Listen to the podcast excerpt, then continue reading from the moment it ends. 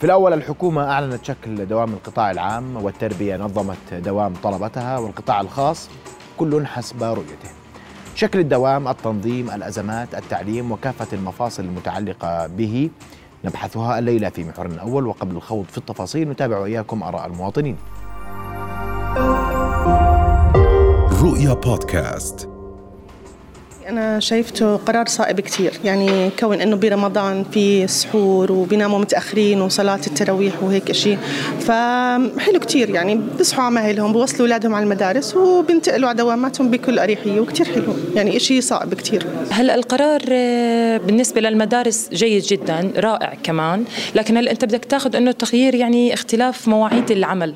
يعني لرب الأسرة لا يبعث آه، أطفاله الساعة 8 ونص للدوام يرجع بعدين للساعة 10 فبدها تكون في اختلاف بالتواقيت كمان وكثير صعوبة. دائما إحنا برمضان بنكون تعبانين وسهر وأشياء ثانية فأنا هذا القرار كثير بحبه والوزارة دائما جهودها مشكورة ومباركة على هذا الشيء. الله يعطيهم ألف عافية.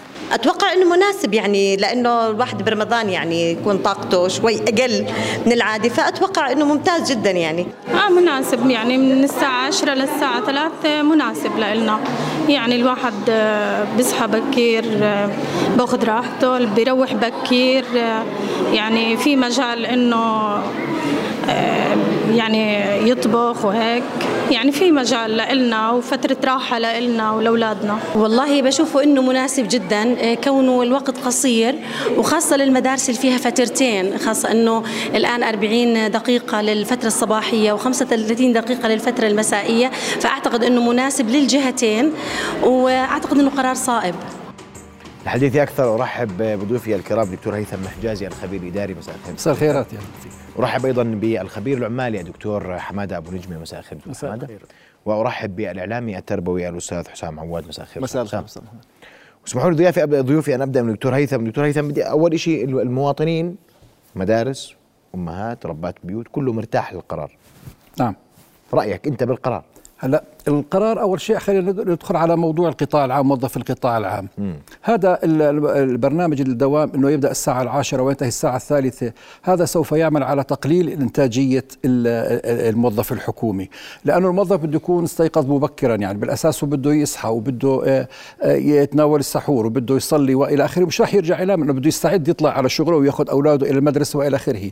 فبدك تحسب تقريبا من الساعة الرابعة وحتى الساعة العاشرة هو وقت يعني آه، حوالي أربع ساعات خمس ساعات اللي هو ما اشتغل فيهم شيء وبالتالي بده يبدأ دوامه الساعة العاشرة فرح يكون أنهك. مر عليه أربع ساعات خمس ساعات فبده يكون أنهك. وخلال اليوم أيضا ما مش راح يتناول لا آه، آه، شاي ولا قهوة ولا دخان ولا إلى آخره فبزيد إنهاكه أكثر وبالتالي تقل إنتاجية الموظف الحكومي آه، أكثر خلال هذه الفترة. طبعا لا شك حتى أزمة السير اللي راح تترافق في عملية الدوام الجديد لأنه بده يكون دوام المدارس دوام الحكومة وأيضا القطاع الخاص راح يبدأ دوامه الساعة بحدود الساعة العاشرة صباحا فراح تصير في عندك أزمة السير وهذه كمان أيضا راح تكون يعني آه، سبب للمشاكل. المواطن اللي بده يجيك من محافظة أخرى بده يجي من الطفيلة من الكرك من إربد إلى آخره هذا إمتى بده يخلص معاملته ويعود إلى آه، محافظته. إذا كان دوام الساعة 10 في حين لو كان مبكرا يعني بيخلص شغله وبرجع. الساعة 2 الموظفين ببلشوا يسكروا درج المكتب وبده يروح إذا بينتهي الدوام على الثلاث وهذا يعني معروفة حاليا. فيعني دوامه عمليا الموظف صار من العشرة للثنتين هو أساسا مش راح يبدأ على العاشرة بيبدأ على العاشرة ونص يعني تأخيرته. ففيها يعني إرباكات كثيرة. أنا بعتقد لو كان يا دكتور اسمح لي اقاطعكم انتاجيه الموظف هيك دائما يعني انت اليوم بدك تحاسبه إنه هو وإحنا اليوم الدوام في ساعة. انتاجيه ساعة بيبدأ عن جد. أنا معك انتاجيه الموظف متدنية. وبتذكر حكينا في إحدى الحلقات آه، في برنامج حضرتك إنه الدواء يعني انتاجيه الموظف الحكومي لا تتعدى ثلاث ساعات ونص إلى أربع ساعات في الغالبية العظمى. لكن هلا رح تزيد أكثر. يعني حتقل الإنتاجية أكثر. لأنه الموظف أساسا دخل على ال على ال على وظيفته صباحا وهو منهك. أربع ساعات خمس ساعات وهو ما آه، تعبان لأنه صحي على الساعة أربعة وما رجعش نام. وراح ودى أولاده على المدرسة وأزمة السير وإلى آخره. فرح يرجع يفوت عندك منهك أساسا. فرح تقل إنتاجيته أكثر. طيب أسمع رأيك دكتور حماد ابو نجمة بالنسبة للعمال و وقضية إنه القرار يشمل ولا يشمل القطاع الخاص. في التربية والتعليم يشمل الجميع. في ساعات دوام القطاع الحكومي لا يشمل القطاع الخاص ون- ونشكل ذات الإرباك في كل عام وفي كل سنة. هذا مش قرار اليوم هذا كل سنة عندنا نفس الإرباك. نعم. تفضل. شكرا. آه، واضح إنه في سياساتنا كلنا نتعامل مع القطاع الخاص والعاملين في القطاع الخاص بأنهم أقل اهت- أهمية من العاملين في القطاع العام. وهذه الثقافه للأسف آه، يعني تتناقض مع توجهاتنا نحو التشغي- آه، تحفيز الأردنيين على العمل في القطاع الخاص. إحنا بنعرف إنه القطاع العام الآن الوظائف فيه محدودة والهدف الرئيسي للحكومات كلها من حيث الشعارات نطلق دائما شعار بأنه تحفيز الشباب الأردنيين نحو التوجه نحو ال- القطاع الخاص بدلا من القطاع العام اللي, اللي لم يعد يستوعب من وظائف أكثر من 8000 إلى في أحسن الاحوال 9000 سنويا. بينما القطاع الخاص هو الوعاء الأساسي وهذا حكي يجب أن يكون حتى يعني آه، حتى من عشر سنوات سابقة كان يفترض أن يكون. ولكن حتى نحفز الشباب على أن يتوجهوا إلى القطاع الخاص يجب أن نعاملهم معاملة على الأقل على سواء مع موظفي القطاع العام. يعني آه هذه ليست فقط ال- ال- التجربة ال- الأولى. إحنا بنعرف الحد الأدنى للأجور يختلف فرق كبير جدا بين القطاع العام والقطاع الخاص. 260 دينار أوقفنا الحد الأدنى للاجور إلى 260 دينار في القطاع العام في القطاع الخاص بينما في القطاع العام هو لا يقل عن 370 دينار. أنا أذكر من السنوات كان 370 دينار ما بعرف إذا صار تغيير. متوسط الأجور في القطاع العام 631 دينار بينما في القطاع الخاص 484 دينار. آه، ال- ال- الموضوع ال- الحوافز آه، وكل ما يتعلق بظروف وبيئة العمل وحتى في إجازة الأمومة. 90 يوم في القطاع العام بينما 70 يوم في القطاع الخاص. أنا مش فاهم حتى الآن كيف يمكن أن نشجع الشباب أن يتوجهوا إلى القطاع الخاص بهذا بهذه الثقافة التي آه، تهمش تماما في كافة الحقوق والامتيازات العاملين في القطاع العام وتعاملهم معاملة وكأنهم أدنى مستوى في هذا. يعني عندما نتحدث عن دوام رمضان هل تعلم بأن يوم أمس أصدرت الإمارات قرارا قالت فيه أعلنت وزارة الموارد البشرية والتوطين تخفيض ساعات العمل العادية لجميع العاملين في القطاع الخاص قرار من الحكومة؟ بتخفيض ساعات العمل لجميع العاملين في القطاع الخاص خلال رمضان ساعتين يوميا. إضافة إلى تطبيق أنماط العمل المرنة وعن بعد ضمن حدود الت- ال- ال- التخفيض بعد. يعني بما معنى ليس أكثر من ساعات العمل المعتادة. بمعنى الإمارات اللي هي يعني من حيث تشجيع الاستثمار وق- يعني قضايا الاقتصادية والانفتاح هي أكثر منا بكثير. وهي تتوجه هذا التوجه السعودية أيضا أصدرت قرار بأن ساعات العمل في في في في رمضان هي ست ساعات للقطاع الخاص باليوم الواحد و36 ساعة أسبوعيا. وعمان أيضا ست ساعات و30 ساعة بالأسبوع في رمضان. وكذلك الكويت قانونها ينص على وجوب تخفيض يعني أنا أتحدث عن دول شبيهة فينا بإمكاننا أن نقول لا بل هي من ناحية اقتصادية هي متقدمة علينا. في أكثر من دولة من الدول النماذج اللي ذكرتها. الأمر آه، يعني هو ضرورة وأنا يعني يعني أختلف مع الدكتور مع كل الاحترام له فيما يتعلق بالفترة الصباحية أن هي سيكون إنتاجيته أقل. يمكن هي الفكرة من آه، تأخير الدوام الصباحي أن الصائم بعد صلاة الفجر والسحور قد ينام ساعتين ثلاثة يعيد نشاطه ويبدأ ثم يذهب إلى العمل. هذه أعتقد أنه هذه النظرية وبالتالي أنا أرجح بأن الإنتاجية ستكون أفضل. وكان يفترض أن يعمم هذا الأمر على القطاعين العام والخاص للعدالة وثانيا للإنتاجية من من هذا الباب. لأنه هذه الطبيعة يعني لا يمكن لشخص أنه يسهر بتعرف رمضان في سهر وبالتالي نصل إلى فترة السحور ومن ثم ينطلق إلى إلى العمل، هذا شيء مش معقول، ولهذا السبب الدول التي اعتمدت هذا النظام اعتمدته حتى تعطي طاقة جديدة لل- للموظف والعامل آه، حتى يبدأ عمله في فترة آه، يعني متأخرة قليلا حتى يكون آه، يعني أخذ فترة من الراحة المناسبة. هذا تقريبا إنه آه، آه، يجب على الحكومة أن تذهب بهذا الاتجاه وتعطي العاملين في القطاع الخاص حقهم بالتساوي مع القطاع العام وأن تتوقف عن التمييز بينهم وبين عاملين القطاع الع- العام في هذا الإطار. راح أسمع رد دكتور هيثم بس بعد ما أسمع رأي الأستاذ حسام في موضوع التربية والتعليم. كنا امبارح ثمانية ونص اليوم صرنا تسعة. مناسب غير مناسب دوام الفترتين. في أسئلة كثير. هو الموضوع يمكن في التربية والتعليم شوي شائك لأنه إحنا بنتكلم عن قط- قطاع كبير.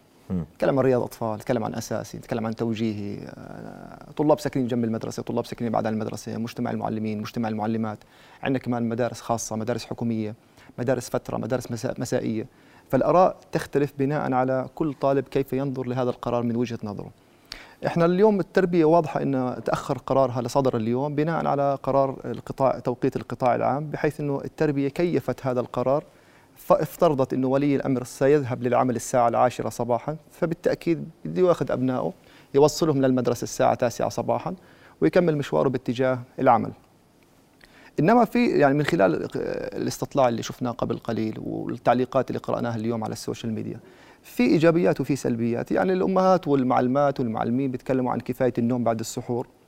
آه، أنا ممكن أشوف كمان ملمح إيجابي لطلاب التوجيهي ممكن يدرسوا بعد السحور فترة كافية ثلاث ساعات قد تكون. بس إحنا كمان بنشوف في الواقع المدارس إنه هذا الموضوع تأجيل الدوام للساعة التاسعة ممكن بعض الطلاب يذهبوا للسهر. وإذا ذهبوا للسهر راح يتسحروا بعدين يرجعوا يناموا ثم مشكلة الاستيقاظ وممكن يغيب. فإحنا راح سنشهد يعني في الفترة القادمة تأخرات كثيرة على مستوى دوام الطلاب سنشهد غيابات أكثر على مستوى الطلاب. في تعليقات متكررة كانت تدور حول جملة الطلاب يفضلون الدوام أبكر حتى يعودوا إلى البيت أبكر. يمكن كان الاقتراح مثلا إنه اللي عملته التربية هو شقين. أجلت ساعة قرابة ساعة ووفرت قرابة ساعة خلال الدوام. من لما وفرت مثلا خمس دقائق وفرت عشر دقائق في الاستراحة الحصة صارت 40 دقيقة. هي الوزارة استطاعت في الدوام المدرسي أن تختزل قرابة ساعة وأجلت قرابة ساعة.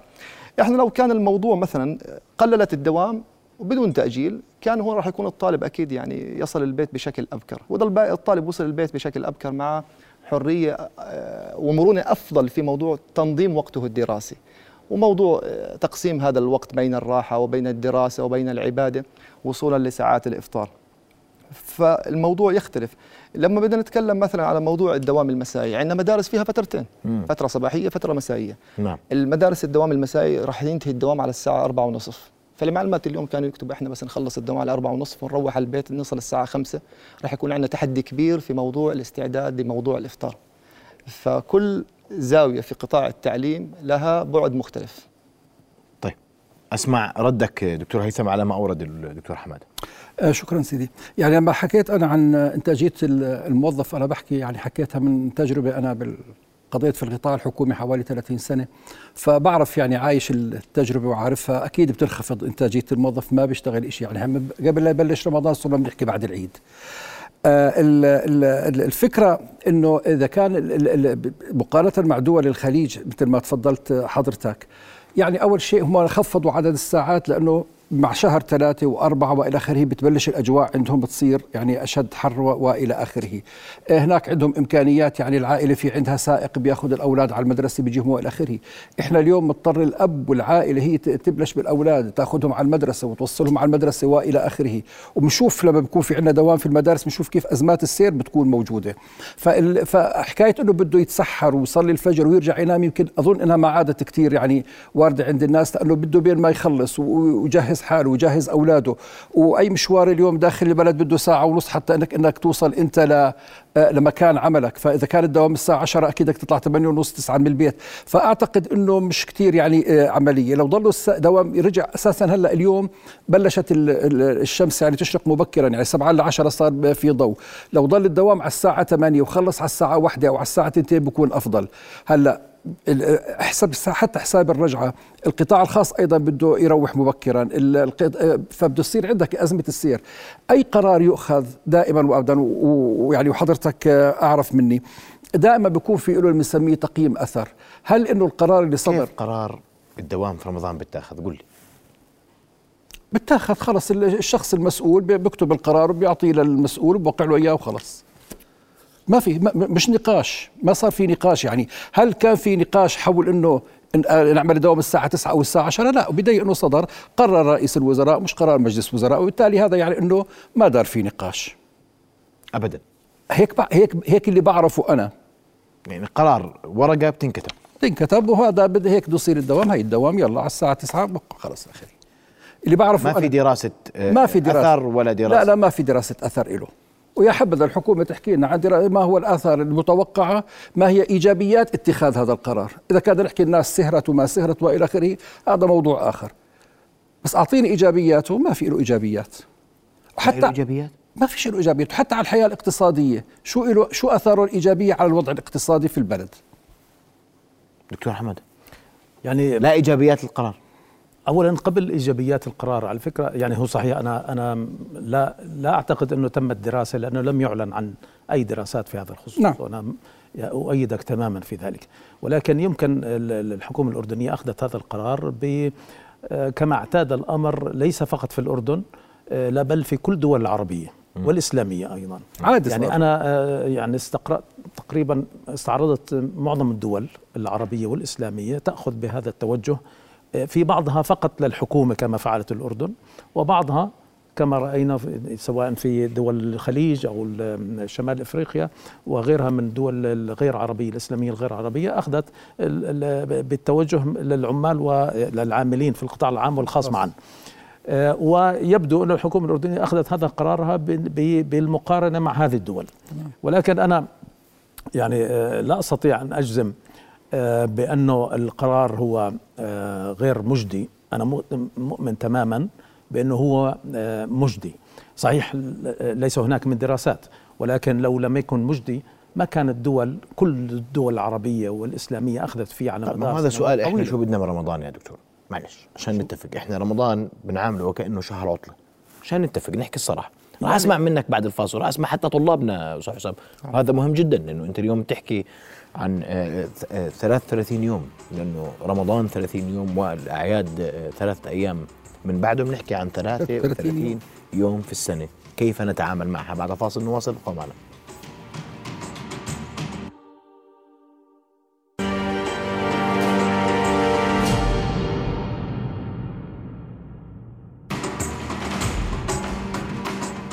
نواصل حوارنا وضيوفنا الكرام. توقفت مع دكتور حمادة ويعني بدها إيضاح الأمور.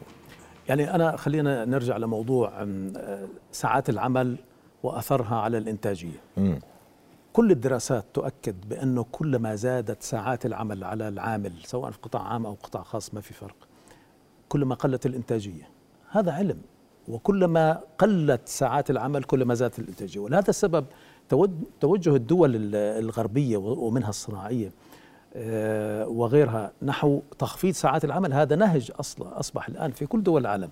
ساعات العمل وليس فقط هي العطل دول عالم متقدمة يا دكتور okay. يعني- واقتصادها قوي وفيها شراكة حقيقية بين القطاع العام والخاص قوة الاقتصاد. وفيها وفيها دعم للقطاع الخاص. مش تهميش ولا بنحط إحنا بنحط احتاط القطاع الخاص. okay. ولكن يعني أنا أخشى من أن الفكرة القائمة حاليا بأنه إحنا وضعنا الاقتصادي ضعيف معنى ذلك يجب ان آه، نعمل ساعات أطول. هذا نظرية خاطئة. أنا بحكي كلما زادت ساعات العمل سواء في دولة نامية أو دولة متطورة متقدمة النتيجه واحدة العامل هو عامل. كلما زادت ساعات العمل كلما خف- انخفضت الإنتاجية. ولهذا السبب كل الدراسات تشير إلى أنه إنتاجية العامل في الأردن منخفضه لأنه لما نتحدث عن إنه عامل يعمل 8 ساعات و10 ساعات و12 ساعة أحيانا وعمال في بعض القطاعات يعملوا أكثر من ذلك أكيد إنتاجيتهم ستنخفض. الإنسان له قدرة محدودة. بعد عدد معين من الساعات ستكون إنتاجيته تمشيه حال يعني بمعنى تمضية وقت. آه، وهذا جرب في أكثر من قطاع. ولهذا السبب ال- ال- الإجراء الصحيح وإحنا نتحدث عن رمضان في عوامل متعددة. تحكم الأمر. عوامل دينية وعقائدية بمعنى حق الإنسان أن يف- يمارس آه، عبادته يعني و و آه، ل- ل- آه، عاداتنا وتقاليدنا فيما يتعلق برمضان. وهذا حق للإنسان من ناحية دينية وأيضا من ناحية نفسية ومعنوية. آه، الإنسان آه، من حقه أن حتى يستعيد نشاطه وينطلق في آه، جهده لأداء العمل يجب أن يحصل على جزء من من ما يمكن أن تسميته رفاهية تغيير علاقات اجتماعية أو ما إلى ذلك. وفي نفس الوقت أيضا هناك جانب يتعلق بطاقة الإنسان على العمل. الإنسان الصائم أكيد طاقته ستنخفض لأنه آه، يعني بحاجة لسعرات حرارية وبالتالي آه، مؤكد إنه آه، من من الأفضل أن تخفض ساعات عمله. وبالتالي هاي حتى من هذا من هذا الجانب شيء مهم.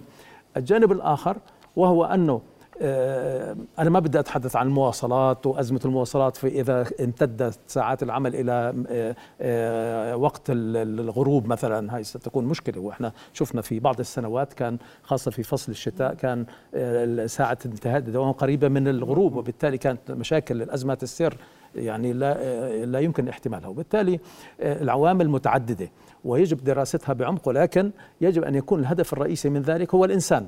بمعنى أن نأخذ بعين الاعتبار مصلحة المواطن اللي هو العامل أو الموظف في القطاع الحكومي وكيف سيتأثر بهذه القرارات من حيث حقوقه كإنسان ليمارسها بأريحية. والدول اللي اعتمدت هذا الأمر أعطت الإنسان حقه من هذا الجانب بأنه هو من حقه أن يمارس شعائر رمضان ويأخذ الوقت الكافي لممارستها وهذا ليس عيبا. حتى لو كانت الدولة ضعيفة واقتصادها ضعيف لا بالعكس هذا سيدعم زيادة الإنتاجية وسيدعم الاقتصاد. صح حسام أسمع وجهة نظرك. أنا كمان عندي نقطة مستوقفتني في موضوع المقارنة بين المدارس. م. المدارس الطبيعية لم تلغى حصص المهني والرياضة. المدارس الفترة المسائية والصباحية الفترتين تم إلغاء حصص المهني والرياضة وإحنا داخلين على نظام جديد. ما زال قيد الإقرار يقسم نظام التعلم لأكاديمي ومهني وهذا إعطاء ميزة قوية لأمور المهني والتدريب المهني. فعندنا الآن مدارس راح تحرم من ثمان حصص في مادة المهني وأيضا ثمان حصص من مادة الرياضة. إحنا في المدارس بشكل عام نتعامل مع الصيام كشهر بركة كشهر عبارة عن أسلوب تطبيق عملي على الالتزام على الصدق على التحمل على الشعور بالآخرين. فهذا بيجي الشهر مثال تربوي مهم بيستغله كل معلم لتمرير قيم المادة الدراسية للطلاب. الطالب بشكل عام والفرد بشكل عام تظهر عليه آثار الصيام بعد صلاة العصر. إذا تصحر الطالب وقدم إلى المدرسة ما بنشعر إحنا بآثار الصيام البالغة الكبيرة جدا على الطلاب. الطالب يتعامل مع الدوام المدرسي بأريحية. قبل قليل يتسحر اليوم وصل على المدرسة. فالأمور بتكون طيبة من هذا الجانب. آه، الصيام إحنا وشهر رمضان شهر مبارك هيك بنتعامل مع الطلاب في هذا الجانب. وبالعكس بنستثمروا في الأنشطة بنستثمروا في التنافس إلى آخره. بس أنا اللي بدي أحكي فيه نقطتين أساسيات بالنسبة لأولياء الأمور علشان كيف إحنا نكيف هذا القرار اللي اتخذته التربية لصالح الأبناء. م. هذا القرار قد يكون إيجابي إذا الآباء والأمهات ساعدونا في عدم آه، السماح للطلاب بالسهر. ضرورة ضبط مواعيد النوم. إذا الطالب اليوم اجى على المدرسة سهران ما استفدنا شيء من كل هذا النظام. فإحنا موضوع ضبط ساعات النوم. رمضان للأمانة يعني موسم بيشجع الصغار والكبار لموضوع السهر. فكل الآباء والأمهات عم بيسمعون اليوم بتساعدونا في هذا الجانب. عشان يجي الطالب مركز معي. أما يغيب أو يجيني الثوب بالحصة ما استفدناش شيء. النقطة الثانية بالنسبة لطلاب التوجيهي وأستغل هذا المنبر يطبقوا معدل الثلاث اثنين اثنين. سحرت ثلاث ساعات دراسة. داوم ارجع على البيت ساعتين دراسة. بعد العصر لا تفعل شيء. بتبين عليك آثار الصيام بعد الإفطار ساعتين دراسة ثم تعيد الكرة. بمعنى ستنام باكرا حتى تستيقظ باكرا. فإحنا موضوعنا حتى هذا القرار يصبح له قيمة ومعنى إيجابي يجب أن نتساعد إحنا في الأسرة على إنه هذا القرار نضعه موضع التنفيذ الصحيح. آه، نفطر بنصلي ترويح آه، نسهر ما نعرف آه، بس لازم بالأخير يكون في بوصلة في البيت وجدول مواعيد واضح. تتفق عليه الأسرة. دكتور هيثم 33 يوم. نعم. هذول إحنا بنتعامل رمضان آه. و... تمام. بس بدي أحكي يعني آه تفضل. في الدكتور حماد آه، أكيد العامل إذا كان أنت ريحته بيعطي إنتاجية أكثر وإلى آخره. تفضلت. فيه معروف تماما ومعروف في علم الاداره وإلى آخره. بس هذا الأمر لما بيكون يعني أمر مستدام. دائما أنت مريحه دائما أنت مرفه والى آخره بيعطي. بس إحنا هون عم نحكي عن حالة واحدة عن شهر أو 33 يوم حتى هم نحكي عن شهر. فبالتالي يعني شو استفدنا منها؟ شو الأثر منها؟ أنا نفسي إنه أو بتمنى إنه حد يحكي لي شو رح نحققه خلال هذا الشهر من آه، عملية تغيير الدوام بهالشكل هذا. لو خلينا إحنا من الثمانية للوحدة يمكن بيكون أفضل. حتى ست البيت بتستطيع إنها ترجع في وقت مبكر على بيتها وتشتغل. اليوم إذا غادرت الدائرة الساعة ثلاث بدها للأربعة ونص خمسة توصل على بيتها في ظل أزمة الشوارع اللي بنشوفها. طيب وصلت على الخمسة شو ضل عندها وقت حتى إنها تستطيع إنها تهيئ أمورها وتهيئ آه، وجبة الإفطار والى آخره. فهاي هي الفكرة أنا مش ضد فكرة إنه العامل إنك تريحه لا بالعكس هذا ومعروف يعني. هاي الفكرة. الآن 33 يوم يا ترى حسبنا الأثر الاقتصادي لها هذا سؤال. وإحنا برأيك شو أثرها؟ وإحنا عم نحكي عن برأيك شو أثرها؟ رح يتأخر. برأيك. رح يتأخر عندك الدوام ورح تكون ساعات الدوام محدودة وبالتالي الإنتاجية رح تنزل العائد رح ي- رح رح ينزل عندك وينخفض عندك. هذا أمر معروف. دكتور حمادة. يعني أنتم مختلفين لينكم أنتم كل واحد فيكم عنده رأي يعني مختلف. أرى هي وجهة هو- وبحترم رايه للدكتور طبعا, كل يعني كل الدراسات أنا أنا يعني مع كل الاحترام إحنا بالنظرة المجردة أكيد شخص بتواجد نص ساعة بشكل نظري يعني انتاجيته بده يكون أقل من شخص بتواجد عشر ساعات. هذا نظريا ولكن من ناحية عملية كل كل ما جرب على مستوى العالم في هذا الشأن أكد عكس ذلك. أنا ممكن أب- أبذل جهد خلال نص ساعة أفضل ويمكن كل كل منا جرب هذه التجربة. قد يكون ذهنه غير صافي يجلس أمام الكمبيوتر ساعتين وثلاثة ما ينجز سطرين في تقرير مثلا. بينما يكون وضعه يعني مرتاح نفسيا جسديا ينتج العمل المطلوب منه خلال دقائق قليلة وهذه الشغلة ثابتة. إضافة إلى ذلك في المعايير الدولية كل المعايير الدولية معايير العمل اللي هي إحنا جزء منها كأردن يعني تشير أو تطلب من الدول التقليل ساعات العمل إلى ما يقرب من 35 إلى 40 ساعة أسبوعيا. هذا ليس من فراغ وهذا الكلام من سنوات يعني في دعوة للدول وفي الدول كثيرة اتجهت هذا الاتجاه ومنها دول عربية. الآن في بعض الدول العربية آه، ساعات العمل فيها 35 ساعة تقريبا. آه، إما بزيادة آه، أيام العطل أو بتخفيض ساعات العمل اليومية في اليوم الواحد وهذا الشيء زي ما حكينا ليس من فراغ آه، لا يمكن لمنظومة دولية أن تتجه هذا الاتجاه إلا بأم ب ب من خلال دراسات معمقة أكيد، أكيد. الآن آه، أنا أعتقد أنه أولا حتى يعني صحيح الأردن آه، أنا ما سمعت عن أي دراسة آه، تعالج هذا الشأن خاصة دراسة رسمية آه، اعتمدتها الحكومة. ولكن أي- أيضا هناك دراسات دولية تؤكد ذلك آه، ممكن الاعتماد عليها والاستناد إليها آه، في نفس الوقت أنا ما بأخذ الأمر فقط في موضوع الإنتاجية. من حق الإنسان أنا عندي قناعة أنه حق الإنسان أن يأخذ وقته ليعيش حياته الطبيعية. بمعنى في الرفاهية وفي قضاء وقته مع أسرته خاصة في شهر كشهر رمضان اللي فيه علاقات اجتماعية وفي آم، حركة وفي يعني ممارسات شعائر دينية وإلى آخره. هذا حق للإنسان. بغض النظر عن مدى تأثيره على الإنتاجية. رغم أنه أنا مقتنع تماما أنه الإنتاجية لن تتأثر. وإذا كان في تأثير خلينا نشوفه في دراسات معمقة مختصة في الضم... في شهر رمضان. طيب. هذا أستاذ حسام رساله اخيره تفضل. أنا مع. الدكتور هيثم في في قوله لا داعي للتأجيل والبقاء على الوضع الطبيعي ومع الدكتور حمادة في موضوع تخفيف ساعات العمل يزيد الإنتاجية. لو دمجنا وجهتين النظر راح نطلع بقرار واحد. تبقى الأمور كما هي عليه مع تخفيف آه، وقت الساعات. الدوام وساعات العمل. نعم. بتروح السهرة. لا أي سهرة؟ مو سهر في سهر. لا لا هو لا أنت عندك عندك دوام أنا بحكي لك الصح. أبو أنا بدي أحكي لك كلام أنا بدي أسهر في رمضان لازم بدهم يسهروا نعيش, الناس. نعيش حياة الأسرة ونعرف بالضبط شو شو احتياجاتها بس هو إذا خف إذا خففنا دوام المدارس مثلا أو دوام العمل وحافظنا على وابقاء وإبقاء الوقت كما هو بتسهر يا أستاذي وإحنا بتزيد. انتاجيه بتزيد الإنتاجية. والكل بيطلع راضي. يعني هو ممكن نعمل دمج بين وجهتين النظر. يعني نعمل الدوام يزيد. الإنتاجية ولا لا؟ لو لو لو بل لا لو بلش على الثمانية على ثمانية ثمانية ونص واستمر للواحدة أنا متأكد إنه بيعطي بيعطي فائدة أكثر. توافق؟ لا أنا أعتقد أنه يجب أن نراعي يجب أن نراعي احتياجات الأسرة وطبيعة آه، يعني ال- ال- السلوكيات اللي هي بتعتمدها في حياتها في هذا الشهر. جميل. وبالتالي الأمر ليس مرتبط بأنه نعد ساعات أو ما نعد ساعات. الأمر مرتبط بأن يكون لدينا آه، يعني آه، ال- التماس مباشر مع حياة الأسرة المواطن نفسه ما الأسرة في. رمضان. بالضبط. أنا بدي أشكركم كل الشكر ضيوف الكرام شرفتوني شكراً بحضوركم شكرا شكرا جزيلا. لكم. رؤيا بودكاست.